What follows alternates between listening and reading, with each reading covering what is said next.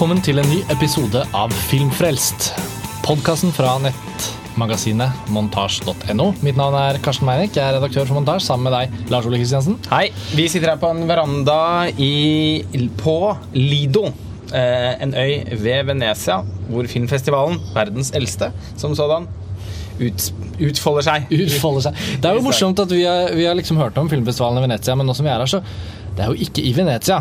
Eh, Nei. det er på Lidoen, og det er eh, de fire-fem kinosalene med forskjellige typer visninger. Det er gatene rundt og restaurantene, men vi har vel knapt beveget oss utenfor en kilometers radius mens vi har vært her. Men vi har fått sett veldig mye filmer, og det er det viktigste. Ja, og det er også liksom en av de tre store, klassiske store filmfestivalene. Cannes, Berlin og Venezia er liksom eh, Jeg føler at det er mastodontene. Det høres kulere ut at det er filmfestivalen i Venezia enn at det er filmfestivalen på Lido.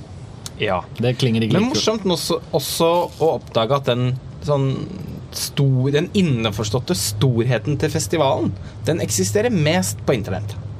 Ja, på den måten. Alle de årene jeg har sittet og fulgt med på liksom anmeldelser og ting fra, oh, fra filmfestivalen i Venezia, da er det Å, Venezia. Der er Jeg tenkte at det ikke var så veldig langt unna Cannes. Sannheten er ganske annerledes. En veldig rolig, bedagelig festival. Ingen fulle visninger. Eh, faktisk ingen. Vi har ikke vært på en eneste fulle visning. Jeg tror den Larry nærmeste- Clark-filmen. Ja, vi kom en full visning, var Larry Clark, Ja, som vi snakket om i forrige episode. Ja, det var en liten sal, og det er sideprogrammet Venice Days. Jeg tror de markedsfører seg litt Ja, altså, vi var og så Nymphomaniac Director's Cut volum 1 og 2 i går. Eh, etter hverandre, med en to timers pause i midten. Med skuespillerne og liksom produsenten og alle til stede. Ikke Lars von Trier, da, for han tør jo ikke å fly. Og det blir vel litt for langt å kjøre til Venezia. Så han holdt seg hjemme. Men vi var i alle fall på de to visningene i går, da. Skuespilleren var til stede, ja, paparazziene sto liksom. Rød løper. Ja, ja. Og ikke fullsatt. 80% full, men det er jo ikke noen Når salen rommer 1300 mennesker, så er ikke det full. Nei, det er ganske sånn Spesielt da med tanke på at man er vant til å være i Cannes og sånn hvor Og til og med Berlin. Hvor det er sånn det, står, det er ikke tomme seter, på en måte. I hvert fall ikke hvis, på filmene som er i Som det er mye buzz eh, rundt, da. Men der hvor visningsangsten og stresset og alle køene og alt sånt er i mindre skala her, så syns jeg jo på en måte at filmprogrammeringen har levert veldig fint. Og det vi skal snakke om i denne episoden, er jo en ganske spesiell premiere, særlig i skandinavisk forstand. Roy Anderssons nye film. Har vi akkurat sett nå før i dag, og, og den har hatt sin verdenspremiere her. Han har tidligere vært i Cannes. Det var liksom en av de store bjelkene på årets Venezia-festival. Ikke fullt på pressevisningen vi var på heller, når det er sagt. Men, eh, men det er den filmen vi skal snakke om. Det er det. Eh, Vi skal da ikke snakke om Director's Cut av Nymphomaniac, som vi lovet i forrige podkast. Vi skal snakke om den, men vi følte det mest Det var noe med stemningen nå som gjorde at det passet liksom best Best, passet best å snakke om eh, Roy Andersson-filmen, for den har vi faktisk nettopp sett. Ja. Eh, og vi, vi lover å ha en samtale om Nymphomaniac også i løpet av de aller nærmeste dagene. Ja. Filmens tittel, eh, altså Roy Anderssons films tittel, er En duva satt på en gren og funderade over tilværon på svensk. Varon. Tilvaron. Det er en såpass lang og flott og poetisk og omstendelig tittel til at jeg tipper vi kommer til å unngå å liksom, bruke filmens tittel En duva satt på en gren, tror jeg blir eh, Ja, den Podcast-tittelen. Men uh, bare for å starte kort med Roy Andersson. Uh, våre aller yngste lyttere har kanskje ikke helt den innforståtte kjennskapen til hans filmer og film, filmografi uh, som de som er på vår alder. Som, liksom- vi har jo fått med oss på en måte premieren på Du levende, som var hans forrige film, og Sanger fra andre etasje, som var filmen før det. Og de tre filmene her utgjør da trilogien eh, om livet, eller om det å være menneske, som det heter.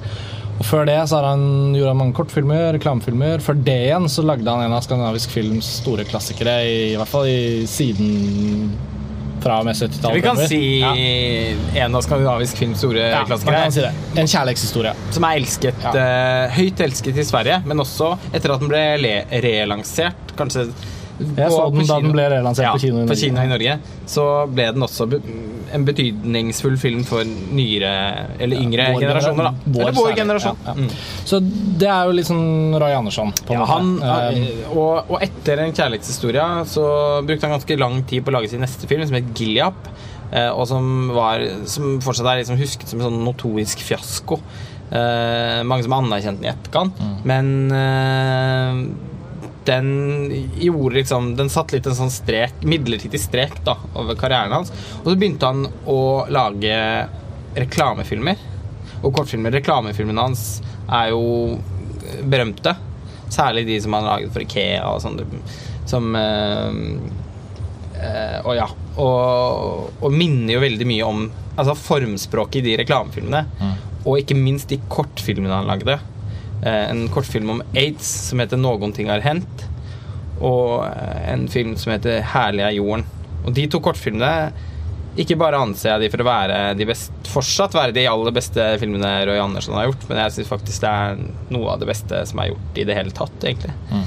Eh, de er jo bare helt Så litt kjære lytter, hvis du ikke har sett de, så vil jeg på det absolutt varmeste anbefale at du bestiller den DVD-en med Fem ganger Roy Andersson. Fem ganger Roy Andersson heter den. Mm. Den er utsolgt fra platekomponiet. Vi har nettopp i dag dobbeltsjekket for anbefalingens skyld at den ikke er utsolgt på CD-On. Eh, den kan også kjøpes på play.com for en urimelig høy sum.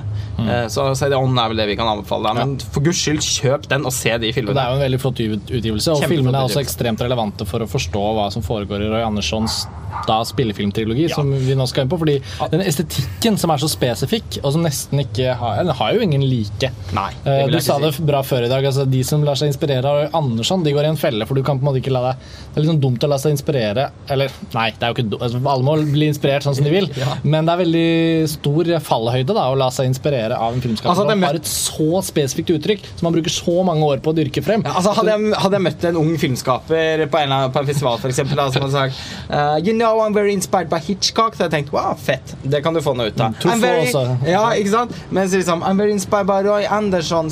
Oh, hadde jeg tenkt at det skal ikke bli lett å, å ta med seg inn i noe. Det er noe med at uh, stilen hans er så idiosynkratisk, så den lar seg i hvert fall ikke helt kopiere. Ruben Østlund, som er ekstrem fan av Roy Andersson, som ja. er veldig inspirert av han, ja. har faktisk lyktes med å skape sin egen ja, for Måten er, å gjøre det på er vel nettopp det. Så, ja, for det er jo også radik radikalt forskjellig. Men man kan jo se altså, interessen hans for gruppedynamikk og, og tablåestetikken. med de, selv om det er sånn nedestetisert hos Andersson, da må man jo Hos Andersson, hos Østlund, mener jeg.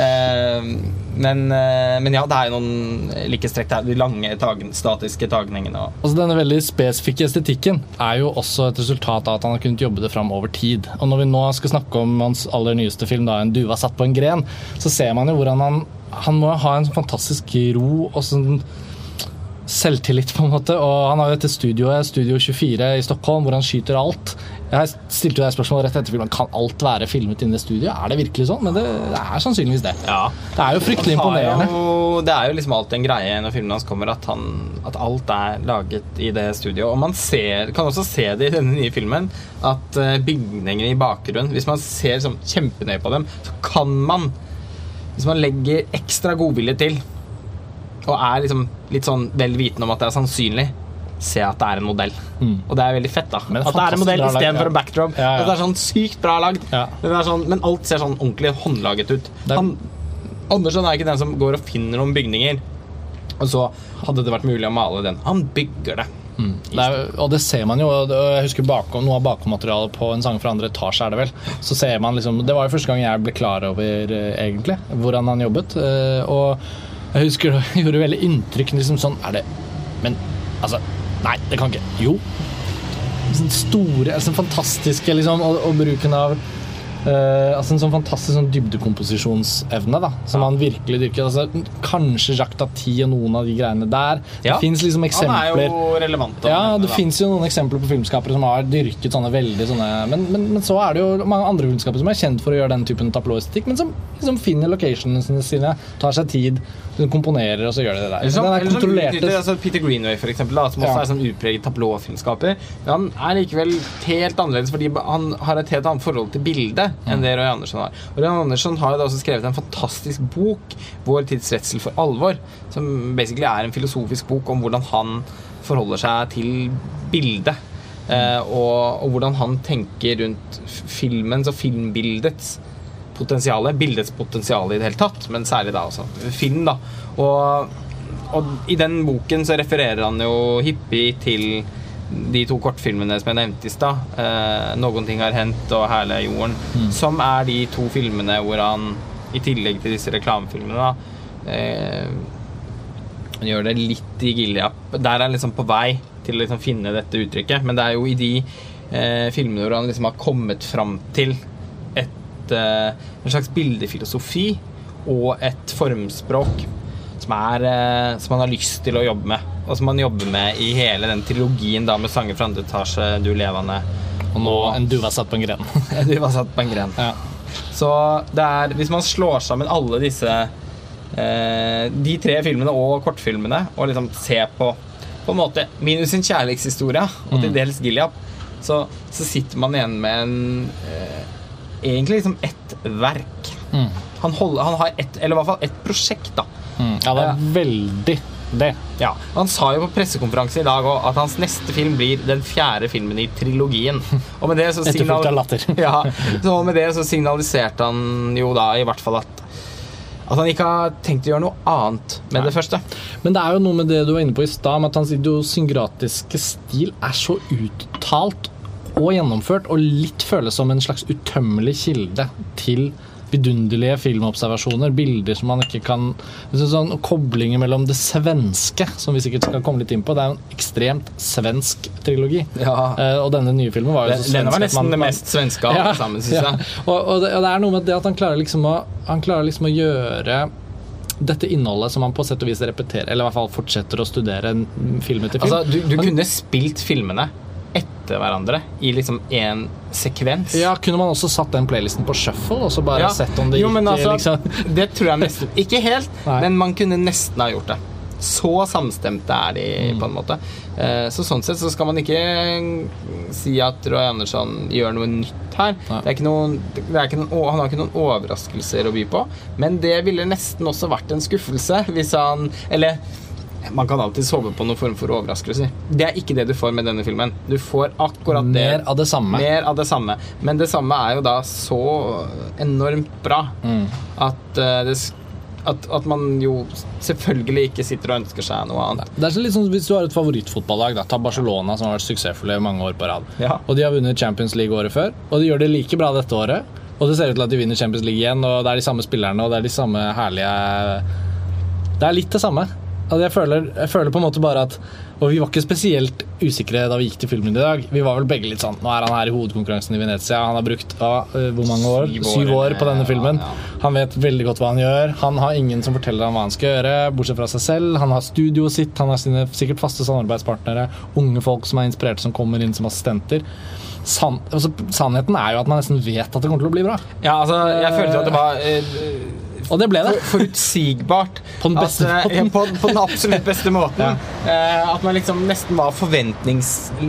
Eller altså forventningsfull på en forventningsløs måte, Ja. hvis det er mulig å si. Ja. At man liksom setter seg inn ja, jeg vet, jeg vet man, man visste hva man kom til å få, og man fikk det. Ja. Eh, Den er veldig bra. ja, enormt bra. Ja, bare for å liksom så vi si begynne det, å vet du. snakke om filmen, da. Ja. Eh, men du ble satt på en gren. Å fundere det på tilvaro. Det er sånn tittel du har lyst til å si, men du har ikke lyst til å si den for fort. Du har lyst til å si den som om den i seg selv er et lite verk. Mm, for det er den. Ja, den er den. Og åpningsscenen i filmen er jo Det syns jeg er veldig eh, eh, treffende og vakker eh, inne på et slags ja, hva vil, du, hva vil du kalle det? Det er du som har natur... eh, altså det, Et naturhistorisk Ja, et slags naturhistorisk museum, men ikke egentlig. For det er liksom på en måte bare ett rom i et slags naturhistorisk museum. Men det er utstoppede dyr, i hvert fall. Ja, nettopp, med et ektepar. ja. Med en mann med et sedvanlig blekt Roy Andersson-nazi. Ja. Han pudrer jo Alle er jo pudret når de kommer inn. Ja. Eh, de liksom Sånn at de går i ett med tapeten, på en måte, i størst mulig grad. Ja, og har jo veldig sånn blast eh, uttrykk, og alle figurene til Roy Andersson har Ja, de, de har fått masse pudder på, på seg. Omtrent som, liksom, sånn, så- som, som malerier fra liksom rokokkotiden. Ja. Eh, merkelig ja, er merkelig Barry Lyndon-aktig. Ja, Vi snakket om den filmen i går. Ja. Disse scenene i Barry Lyndon hvor de går rundt i parykkene sine og sminke altså sånne Og tilsminkede ansikt. Ja, nettopp, nettopp. Det er litt det samme i Roy Andersson, bare på en helt annen måte. Helt annen måte. Og i denne åpningen sånn, så- en joggedress og en sånn beige jakke. Tjukk. Ja, Sånne kropper som henger som litt sånne uplukkede epletrær. Som liksom bare Uplukkede epletrær. ja. og, eh, og, og i den åpningsscenen hvert fall, så er det da midt i rommet så står det da en utstoppet due inni et sånt glasskabinett. Og det, det sies ikke noe mer, men Den satt Du i hvert fall på en gren. gren. og så starter filmen med en sånn vakker liten montasje av tre små sekvenser. Eh, Altså, om så et møte med døden nummer ett. Og så kommer scenen, og så møte med døden nummer to.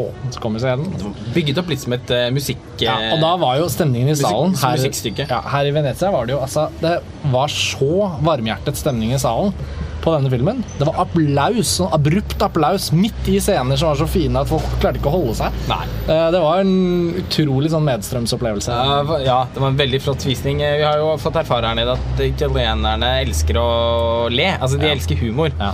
Og det er jo veldig mye humor i Roy Andersson sine filmer. Eh, Du levende husker jeg altså at jeg syns var Og den har jeg sett mange ganger. Jeg og en kamerat har hatt den som en sånn vorse-film, faktisk. Jeg Ja. hadde det en periode. Men den egner seg jo sannsynligvis til det. Ja, for den er jo så sinnssykt morsom. Jeg husker når jeg så den på Lillehammer kino første gang, så var det nesten så jeg eh, sprakk av, av, av latterbrøl. Ja. Eh, denne her er, er tilsvarende de første 20 minuttene.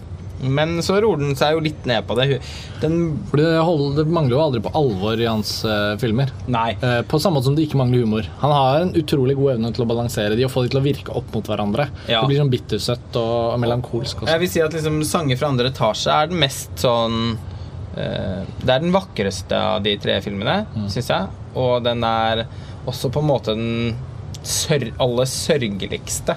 Eh, for den har en mer sånn eh, En definert melankolsk stemning. Du levende er helt klart den morsomste. Eh, mens, mens denne her er litt sånn a bit of both. Men samtidig også Den er jo mindre enn de andre filmene. Eh, merkelig nok, egentlig. Man skulle jo kanskje tro at denne siste filmen, som man brukte enda, nesten enda lengre tid på enn noen av de andre, eh, og trilogimessig sett, på en måte, skulle være liksom den mest storslagne, eller med de største set-piecesene. Men det vil jeg ikke si tvert imot. Ganske liksom liten film Mm. fleste av scenene foregår i ganske små rom. De største tablåene hans er ikke i denne filmen. Det er ett sånn kjempemessighet hvor Karl den tolvte dukker opp. rir inn i et I, i Andersson-verden, kontemporær setting, Ja. så, så, så tas den over av ja, Hvilket tiår, hvilket hundre, århundre var det Karl 12. Han ble i hvert fall skutt på Fredriksten festning i Halden, der hvor jeg kom fra. I 1718? 1718. 1718? 1718? 1718. Oi. Ja, jeg mente ikke å si 1718. Jeg skulle si 17, 17 eller 1800-tallet. Gjorde det? Ja. det er 1718. Ja, så i hvert fall på 1700-tallet, da. Altså, det er En sånn kule fantastisk i tinningen. Ja, nettopp. Fins et museum der Ja. hvor han ligger i en sånn, der, sånn Vi anbefaler alle våre gipsskulptur. lyttere å ta en tur til Halden. Nei, men Det som er så fantastisk med denne sekvensen, er jo da at, at du sitter her og ser på et klassisk Roy Andersson-tablå som allerede har utspilt seg med ganske stor humor.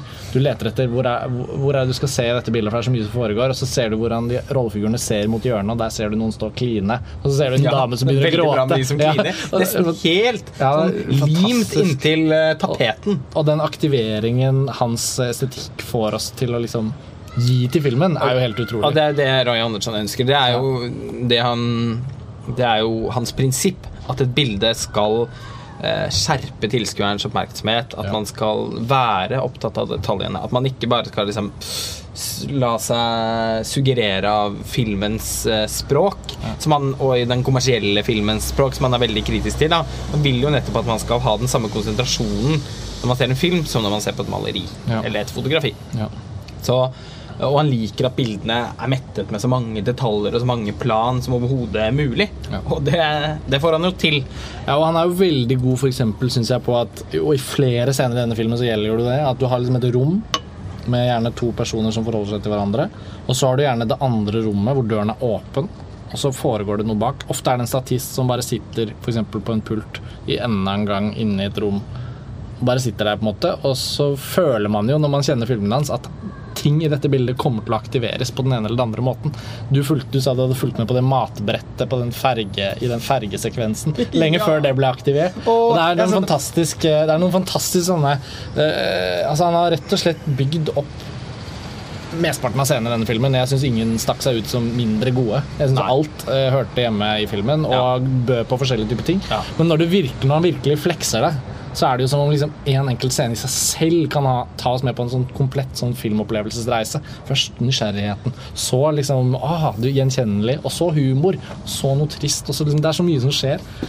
Den, eh, og, og han har en møysommelig måte å liksom komponere filmene sine på. Han, også sånn at han etablerer noen karakterer eh, og noen settinger som vi går tilbake til, og noen helt nye som vi aldri kommer tilbake til igjen. Men han liksom veksler mellom de hele tiden, sånn at eh, han får til en Det er en rytme i filmene som er veldig spesiell, og som han lykkes veldig veldig godt med. Og som han så åpenbart kan. Ja. Eh, det er derfor han også bruker lang tid på når filmene først er ferdig innspilt Ja. etter flere år, Ja. så bruker han også ganske lang tid på. Selv om man skulle tro at de var klippet i fiks ferdig klippet i manuset, ettersom Ja. det ikke er noe klipp innbyrdes i scenene. Eh, så bruker han jo fortsatt veldig lang tid på å liksom finne akkurat punktet hvor han skal stoppe det. Eller liksom. eh, og sikkert litt hvordan han skal sortere det. Eh, de, de forskjellige klippene, som er veldig lange. Men eh, du var jo inne på det i stad, at det er en veldig svensk film. Og det er eh, det, Når jeg fikk øye på den rekmackan på den, ferje, på den ferja Det er en av disse tre dødsscenene Helt i starten. Hvor det er en Hvor det er en som har dødd, som ligger på, eh, på gulvet, og det er eh, noen sånn type politimenn eller Securitas-vakter De ansatte på båten. De ansatte på båten. Som står der og, Vurderer og vurderer graden av dødhet. Er han død? Ja, han er død. Ja. Vi har forsøkt få liv i honom i en time. Han er død som en sten. Og så, og jeg bare klarer å zoome inn på dette ferdig brettet. Det Med er et slags sånn kantineområde hvor det har vært noe. klassisk ferjeoverfartskantine. Hvor, det, hvor det står et sånn brunt brett med en sånn høyt rekesmørbrød og en halvliter øl. Eller en 0,4 liter øl, er det vel. Eh, og så Og jeg bare sitter og ser på den. Å, skal det bli noe med den? Og ja. Og hun bryter ut, da. Men hva gjør vi med det her, da? Han har redan betalt! Han har redan betalt for en räkmacka och en stor stark. Är det någon som vill ha den? Gratis! Jeg kan ta en stor sterk! altså, det er Det er jo i traileren også, denne scenen. eh, Ja, så, så, ja. så, så spoiler vi det ikke. Vi regner Nei, ja, at, kommer til å se Vi det. legger i hvert fall ved traileren nå til denne podkastartikkelen, fordi det er jo absolutt en trailer folk burde ta en titt på dersom de er nysgjerrige. dersom de er nysgjerrige. Og det er jo også noen, et sånn fantastisk refreng han har hatt i filmene sine. En sånn en, gjerne én enkeltreplikk Altid. som bare blir sagt av så mange karakterer som mulig basically i løpet av filmen, så at det blir til et slags refreng. Og man kan jo gå og sitere den veldig lett etterpå, fordi man har fått hørt den så mange ganger I sanger fra andre etasje er det Han har blevet tokig og skrevet Han har skrevet dikt og blevet tokig. Og i noen eh, Du levende eh, så er det Det er en dag i morgen også. Og i denne filmen er det Nå må jeg få det riktig. Ja. Eh, Nei, ta det, du husker det sikkert. Jeg, jeg, jeg, ok, det, nå parafraserer jeg, da, men det eh, vi, vi er så glad for å høre at ni Nei, det ble- nei, jeg husker det ble svorsk. Ja. Vad rolig å høre at ni har det bra. Og hvorfor prøvde jeg kunne bare tatt den med en gang. Alle vet at Mye du tar det morsommere for lytterne, tenker jeg. At Ja, du kanskje. Uansett, da. Ja. Var rolig å høre at ni har det bra. Og det kommer igjen og igjen. Utallige ganger i filmen. Og det er morsommere og morsommere for hver gang. Og det er hver gang noen snakker i telefonen. Å, vad rolig å høre at ni har det bra. Og de ser jo aldri ut som de har det rolig, for å si det sånn. Nei.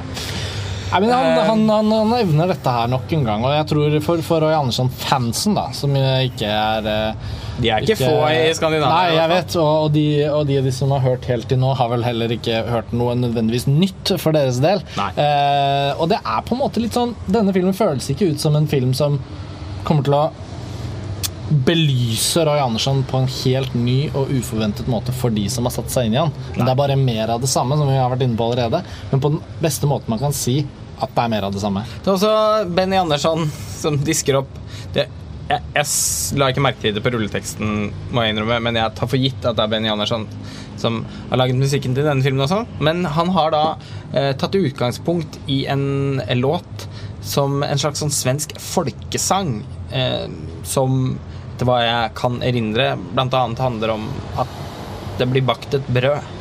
Som, som man også bruker med ganske stor effekt i 'Noen ting har hendt'.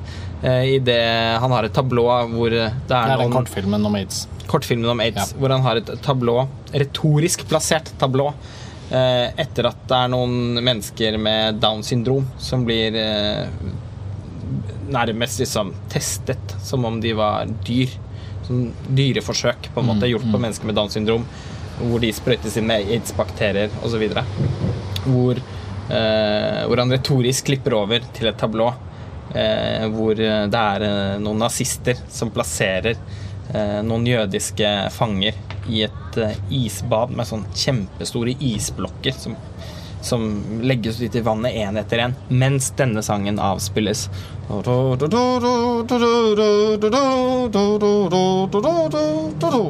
Sånn valsaktig sånn, ja. Eh, og den blir da han Hentet frem igjen. hentet frem igjen. Eh, Ja. Virkelig for fansen, tenker jeg. Ja. Så plukker opp den referansen. Ja. Men her er det jo også I en sånn en veldig fantastisk eh, av Benny Andersson. Og den flyter jo inn og ut av filmen. Men det er mye fin musikk i den filmen. Veldig, Også en veldig flott musikalsk Ja. scene. Det er vel var- filmens absolutte høydepunkt. Ja, for den var så vakkert gjort. Ja, og den hadde jo sitt lille flashback. Som var jo, det, det var jo det som var så liksom, tilleggsfantastisk. Var på en måte at vi, vi sitter i et, da, et hermetegn kontemporært Andersson-landskap. Og så, og så er det liksom plutselig sånn 1943, samme sted. Og så vokser det ut en helt sånn utrolig vakker sekvens som da forplanter seg tilbake igjen til det samme stedet senere. Det er altså en sekvens eh, hvor man går tilbake i tid i en eh, bar på, i Gøteborg i 1943, da. Hvor, eh, hvor eh, Ja, liksom under krigsårene. Eh, Sverige var jo ikke med i andre verdenskrig, da, sånn ordentlig. Men Det var noen matroser der, hva nå enn de gjorde. ja, og det er noe skam Ja. som, som ligger der òg. Men hvor i alle fall Den heter Haltalottas Halta Lottas Var det bar, eller var det pub, eller Jeg vet ikke. Husker Ja, i alle fall. Halta-Lotta er jo også da høna til Emil i Lønneberget. Mm. Så det er noe sånn ursvensk over så mye her. Men, men hun Halta-Lotta, da, Ja. serverer de eh, sprit. eh, Med Shots. Mm. shots, rett og slett. Som hun går rundt med det brettet og serverer det mens hun synger eh, en sang Ja. eh, basert på den Hvordan går den melodien igjen? Det er sånn fotballåt. Ja, sånn for den bruker United, sånn. Eh, Manchester. United og sånn, bruker Ja. jo den. Ja. Nå, ikke, nei, nå kan jeg ikke begynne å kaste meg ut på noen flere ting som jeg ikke husker presist. Men, eh, men, eh, og det ville jo vært en spoiler. ikke- Nei, ja. Også en film uten eh, spesifikke spoiler. Men i hvert fall, sekvensen blir helt fantastisk, for da hun byr jo på, på shots til de som kan gi henne et kyss. Og da sendes jo hele, hele serveringsstedet ut i en slags fantastisk sånn eh, rundsving liksom i rommet, hvor alle kommer for å gi en kyss. Med drikking shot. og kyssing. Ja, ja. Nei, det var en fantastisk sekvens, men det er mange av dem. Det Det var en av de hvor salen eh, brøt ut i ja, italienerne syns jo det selvfølgelig det var helt fantastisk. Ja. Men Carl den 12.-sekvensen er jo da den mest sånn der virtuose i sin one-shot-aktige liksom. Det var jo Med sånn Det har allerede fire-fem plan Ja. innover i bildet. For det har allerede utspilt seg egentlig en scene som ville vært bra nok, og så ankommer disse ridende 1700-tallssoldatene, og så vokser det ut til noe enda større. Det er, nei, det er helt fantastisk. Denne filmen kom jo på norske kinoer allerede i høst. Alt er satt. Det er jo en uh, svensk produksjon med norsk koprodusent. Og Det er samme felles release release i Skandinavia. Så den kommer på kino sånn som vi har skjønt det i midten av november. Og det er jo bare å glede seg. Um, og denne filmen kommer nok Jeg har en ganske god følelse på at det er sånn noe sånn samlende over å få en sånn film som er Ja, den er svensk, men den føles liksom som den hører til i hele Skandinavia litt. For Øy Andersson gjør som hun har sagt, men det er verdt å si igjen, i sin egen greie i så sterk grad at det er litt sånn det er vår alles film. Eh, og jeg har liksom en, en følelse av at den kan slå litt an, jeg. Ja. Jo, men Altså, det, er så lenge, det går så lenge mellom den typen kinoopplevelser.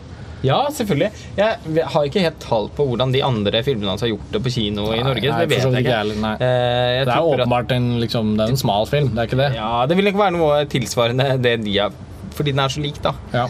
Um, Og inn mot jul og Jeg vet ikke, jeg syns det var et eller annet sånt. altså, Det var den rett kommer litt underholdende. Men, det er, men det er jo alle filmene hans. Ja, Så øh, Men i sin sånn overestetiserte look og presentasjon så kan man jo få litt sånn Oi, nå skal vi Nå er det bare å forberede seg på liksom veldig mørkt grovbrød i kinosalen. Men det er jo faktisk ikke egentlig det heller. Nei, nei, fordi nei. du kan ta den på et veldig sånn én-til-én-plan og men- ha så stor glede av den. Men jeg tror at man har en fordel av å, ha, av å være skandinavisk og ha et forhold til Sverige. Eh, sånn underholdningsmessig sett så tror jeg det hjelper litt på. Fordi jeg kan jo ikke helt forstå hvordan det kan være eh, Salen responderte jo så hjertelig på Ja. alt sammen, så Ja. det var åpenbart på en måte like morsomt. Men jeg føler jo at jeg vet innerst inne at fullt så morsomt som det egentlig er, det kan de jo ikke få med seg at det er. Fordi bare måten det svenske språket blir brukt på, Ja. og svenske ord Ja. som Roy Andersson henger seg opp i, så type et ord som 'naturligvis' Ja. og 'naturligvis', eh, som, som, som blir fryktelig morsomt. Men det er, lost in, det er lost in translation, helt opp. det er jo åpenbart ja, det var det ingen som lo av. Vi satt og humret litt, og så var det sånn Den her går ikke inn. Nei.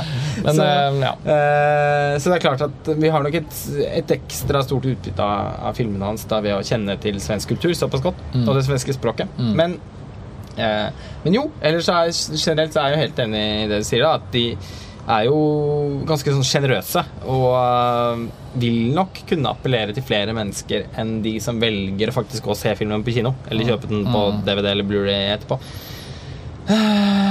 Men vi, altså er det én ting Nå må vi snart avslutte. Ja. Men det er, det er en ting til som jeg kanskje føler at vi ikke har nevnt, som er litt naturlig å nevne. Ja. Og det er, Vi har ikke snakket om egentlig hva hoved... Det, altså Denne filmen den har en ganske, ja, ganske tydelig hovedkarakter.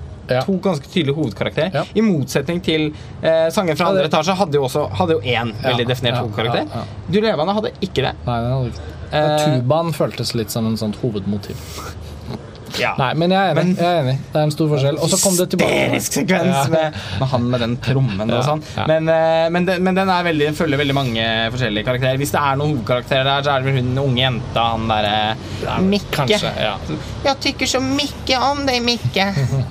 Oh, Men her, er i, men her i en due var satt på en gren, så Ja. skulle man kanskje tro at det var en sånn retorisk due som kom flyvende inn fra scene til scene og sånn, Nei, er, det er, bare den i det monteret. men så er det så vidt sånn i bakgrunnen på et par sekvenser. Det la jeg merke til.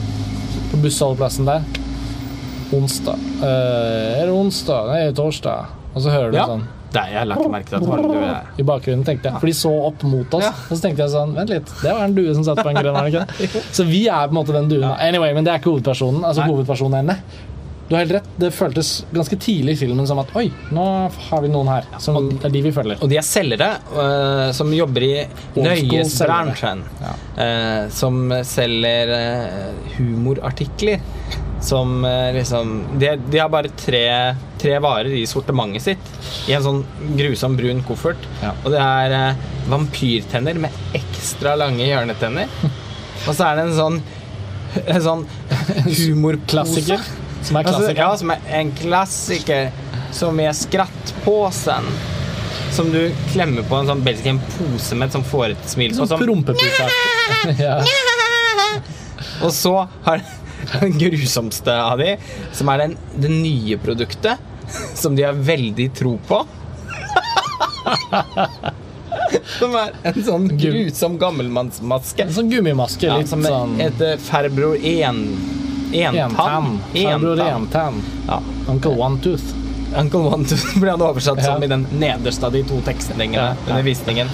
Eh, og de drar da rundt på, fra butikk til butikk for å forsøke å få solgt disse produktene uten å lykkes. Ja. Og de har masse, mange som skylder de penger eh, for tidligere ha, altså, tidligere handler de har gjort, da, som de ikke, enda ikke har liksom fått pengene for. Og de skylder naturligvis også penger til da sine leverandører. Ja, Så så, er det sånn er en, en ond sirkel. Ja. Uh, og de er to venner som ikke Eller to kolleger som bestemt ikke er venner, men som likevel ikke har noen andre i livet. De bor også ikke sammen, men i samme oppgang. På et hos- sånn- hospits eller noe sånt. ja, det er vel liksom et, Ja, det ser ut som et hospits, men på en måte en slags i et Andersonsk univers så er det vel bare en leilighetsoppgang. Ja, men med sånn enroms kommunale leiligheter Etteroms ettroms. Eh, og det er en og, det er sånn, og han ene er veldig sånn kjip mot han andre hele tiden. Han som liksom er sjefen i det forholdet. Uh, og det er noe veldig fint med det der at de ja, de vil, Hvis de hadde hatt noe valg i livet, så ville de aldri liksom, hengt med hverandre. Likevel så er de så, i såpass stor grad avhengig av hverandres eksistens for å ha i det hele tatt noen å snakke med, eller noen å gjøre business med, som de sier. I morgen skal vi gjøre big business, Jonathan. Og det blir bedre i morgen, vet jeg. og, og da eh, så blir det også litt sånn rørende med de to, fordi Ikke bare litt. Jeg syns det blir ordentlig rørende. Ja, jo, det er enig. Men sånn underveis da, så kan man jo også tenke at han ene er veldig sånn underkuet, og gir også uttrykk for det at 'du er alltid så elak'. Men hva faen? Eh, Sånn, eh, det er liksom ikke helt i synk, da, Nei. den eh, relasjonen som de har. Men etter hvert så ser man liksom at Men at de er også liksom hverandres eneste. Og det er veldig rørende etter hvert. Og det er portrettert på en sånn måte at man føler at det også har en slags sånn effekt bortenfor denne filmen og de rollefigurene. Jeg tror det er noe som publikum kommer til å identifisere seg veldig med, er jo det portrettet av ensomhet og, og på en måte mislykkethet og det tråkige med at man liksom ikke helt får det til å gå opp. Nei, Summen går aldri helt opp på kalkulatoren. Det er liksom ikke nok penger, men det er liksom ikke, det er liksom ikke Ja, nei. De Altså, subber rundt der, på en måte. Men... De prøver også da å finne Det er på det samme stedet hvor den det er, I denne situasjonen hvor den Kall den tolvte dukker opp. Kall den tolvte dukker opp, Ja. hvor det møtet inntreffer, eh, hvor de går innom en bar hvor de ikke akkurat ønskes velkommen, der de står og liksom stirrer i døra. Ja. Hva faen vil ni? ja. Nei, men Vi er i nøyesbransjen. i nøyesbransjen. Vi leter efter en butikk. Og den butikken heter Partei. Som blir oversatt med party. De skal finne en sånn nøyesaffær. Bengtsson. Ja. Innehaveren heter Bengtsson. Du skal finne en, nøyesaffær Ja. som heter Party. Uh, og den finner de ikke. Og Det er sånn, det er akkurat som de er på en, sånn ørk, en ørkenvandring. Typ uh, sanger fra andre etasje, hvor han går Ja. rundt med disse svarte trekorsene. Ja. Uh, og på en nedtonet måte. Eh, for filmen også liksom, det Jeg føler nesten at den blir sånn mindre og mindre etter hvert. Særlig den siste delen. Er den minst sånn mest nære, minst spektakulære delen av filmen. Men hvor han liksom klarer å sette et sånn I hvert fall et foreløpig eh, Nå skal han jo lage en fjerde film i trilogien, sannsynligvis. Så, så da er det vel mer i vente. Men i hvert fall som et foreløpig punktum, da, så føles det veldig sånn Veldig bra. Rett og slett. Um, vi får avslutte. Dette var tredje podkast fra Venezia. Det er mer i vente. Som sagt, eh, denne forjettede Newfomaniac-samtalen den skal ikke bli forjettet så lenge. Eh, og vi har eh, andre ting på planen også. Sjekk ut montasj.no for vår øvrige dekning av det ene og det andre. Nå forlater vi verandaen for en ny filmopplevelse. Takk for at dere hører på. Vi høres. Vi høres. Ha det bra. Ha det bra.